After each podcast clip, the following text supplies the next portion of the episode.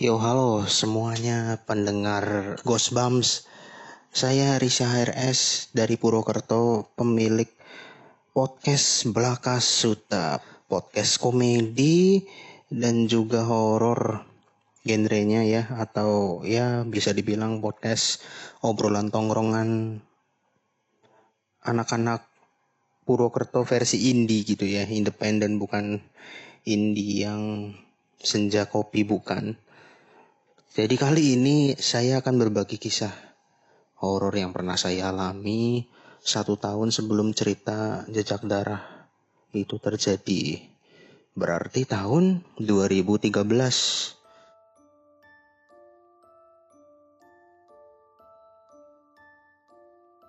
Jadi kisahnya itu waktu itu saya sama satu anggota baru CM, satu angkatan sekolah sama saya namanya Usep, itu mau penelusuran ke tempat yang sama seperti di cerita jejak darah di satu RS yang ada di pusat kota Purwokerto.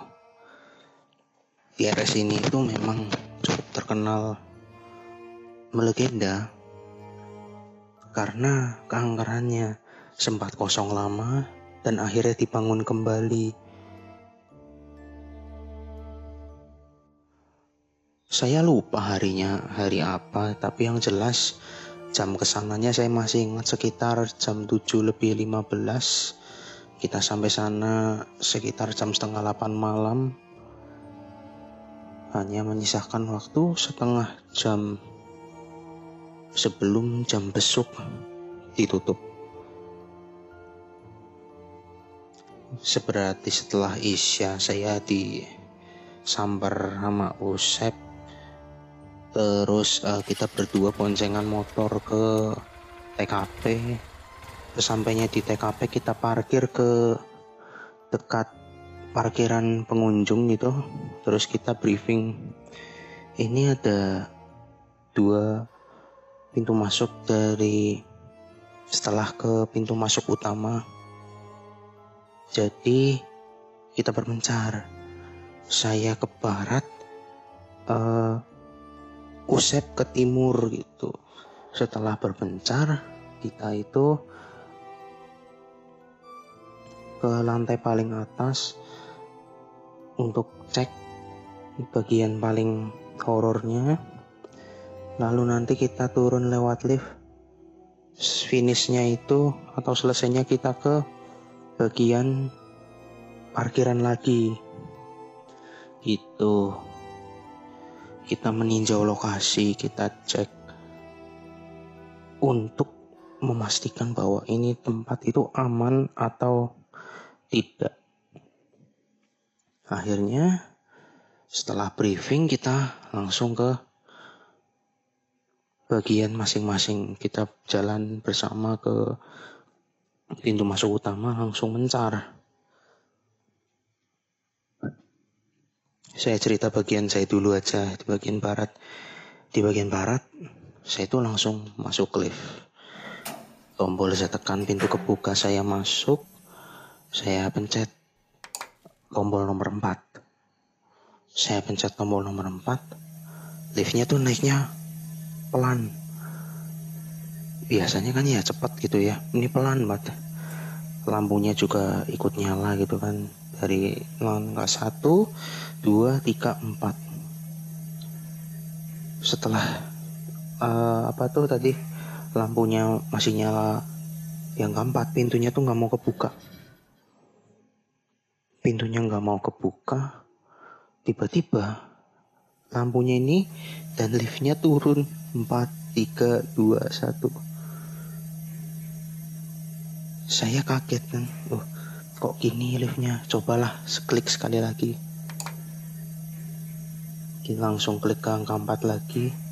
Naik ke lantai 2 pintu kebuka.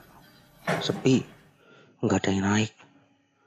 Saya pencet lagi ke tombol 4 naik lagi ke lantai 3 pintunya kebuka.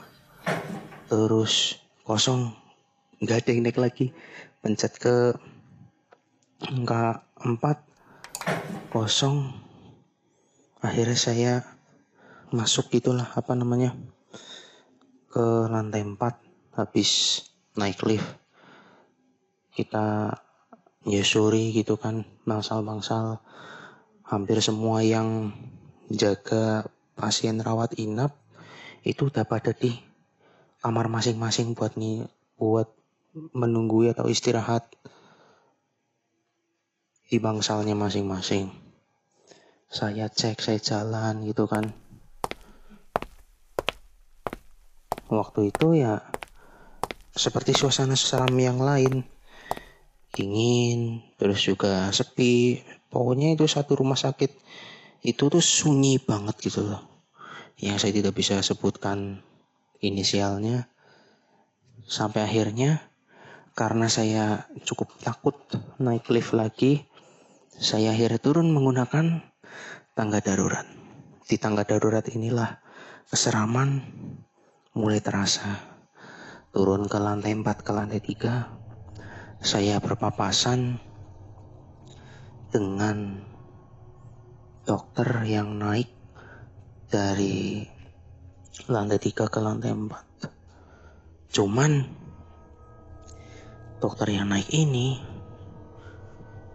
itu bukan meletakkan kakinya ke tangga antar tangga bukan dia melayang dengan baju atau rompi putih dan stetoskopnya yang penuh dengan bercak darah yang telah mengering.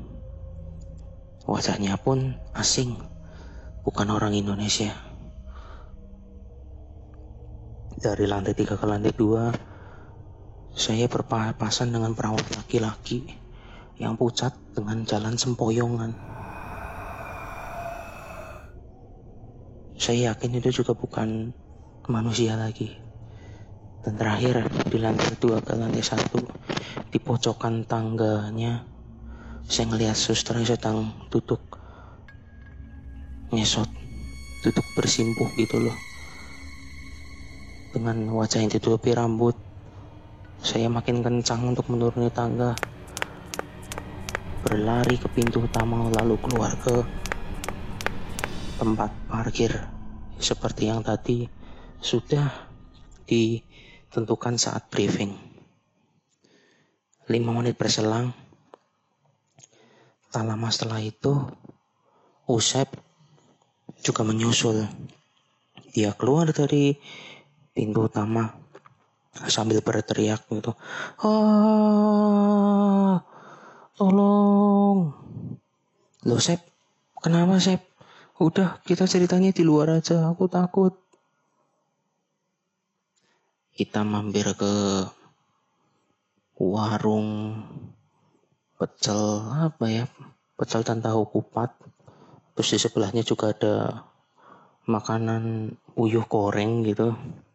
Kita mampir di situ kita makan. Usep yang selama perjalanan menuju ke warung makan itu diem. Bahkan saat pesan makan makan dia masih berkeringat dingin. Akhirnya saya paksa untuk menceritakan. Akhirnya dia bercerita jadi di bagian Usep itu lebih menyeramkan dan lebih gila lagi. Jadi sama masuk ke lift pencet angka 4 kalau tempat saya tadi kan berat dan hampir sedikit error lah. Kalau Usep enggak lancar enteng sampai ke lantai 4 pintunya sama nggak mau kebuka. Tapi tiba-tiba dari atas. Atap lift itu ada yang ninju gitu loh. Sontak saja. Dari lantai 4 langsung ke lantai satu. Der gitu.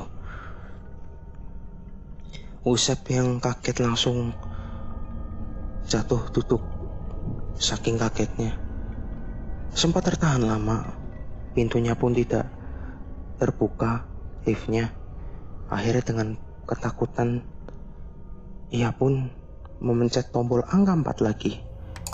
Enteng naik seperti biasa sampai ke angka 4 pintunya itu terbuka gitu. Jlik Usai pun langsung jalan cepat gitu. Memeriksa aman atau tidak untuk penelusuran yang akan datang di komunitas saya, komunitas jajah malam CM saat memeriksa dari ujung ke ujung ke segala uh, sudut bangsal ia akhirnya ingin menuju ke titik terakhir uh, bangsal gitu. Di ujung sana pintu bangsal terbuka dan keluarlah satu orang suster yang cantik sekali. Suster itu menutup pintu.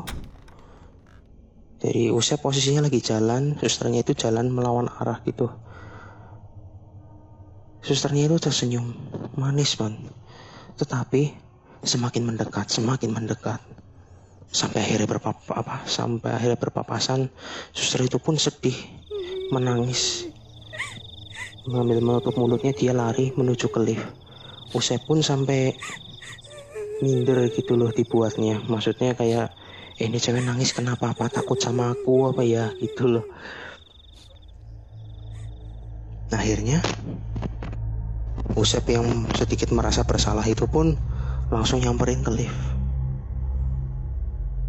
Diklik tombol pintunya biar buka dan betapa terkejutnya Usep.